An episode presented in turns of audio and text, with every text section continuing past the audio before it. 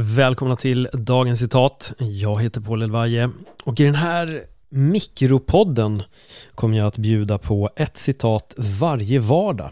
Ett citat som kommer att motivera, inspirera, kanske ge dig den där lilla extra peppen inför veckan, dagen eller den här stora uppgiften som du har framför dig. Den här veckan kommer jag att lägga fokus på stoikerna men med fokus på en stoiker och det är Marcus Aurelius. Marcus Aurelius var en romersk kejsare. Han levde på hundratalet. Och han är idag väldigt känd för sin bok Meditationer. Och meditationer var väl egentligen hans sätt att föra journal, att skriva dagbok där han mediterade på sina egna tankar och det var aldrig tänkt att det här skulle komma ut till allmänheten. Men än idag så är det här en bok som påverkar folk i allra högsta grad och har blivit en, ska man säga kanske en stoisk eh, filosofisk stöttepelare där och väldigt många som vänder sig till, till just den här boken, inklusive mig. Det här är en bok som jag tycker är väldigt bra. Han serverar tankar i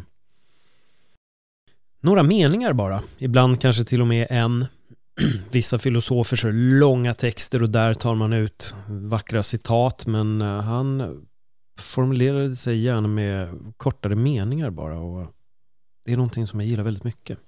Så den här veckan kommer vi att eh, kommer ni få ta del av fem stycken Marcus Aurelius citat. När du vaknar i gryningen, tänk på vilket privilegium det är att leva. Att tänka, att glädjas, att älska. Vad tänker du när du hör de här orden? När du vaknar i gryningen, tänk på vilket privilegium det är att leva. Att tänka, att glädjas, att älska. Vad tänker du på? Hur var din morgon? Vad var det första du tänkte på när du vaknade i gryningen?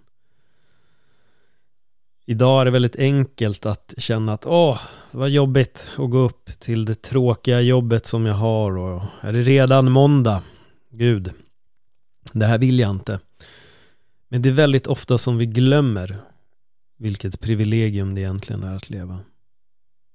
Alla skratt som vi får dela med, med våra vänner och att kunna tänka på livet eller tänka på vad den är som du gillar att tänka på. Att få älska.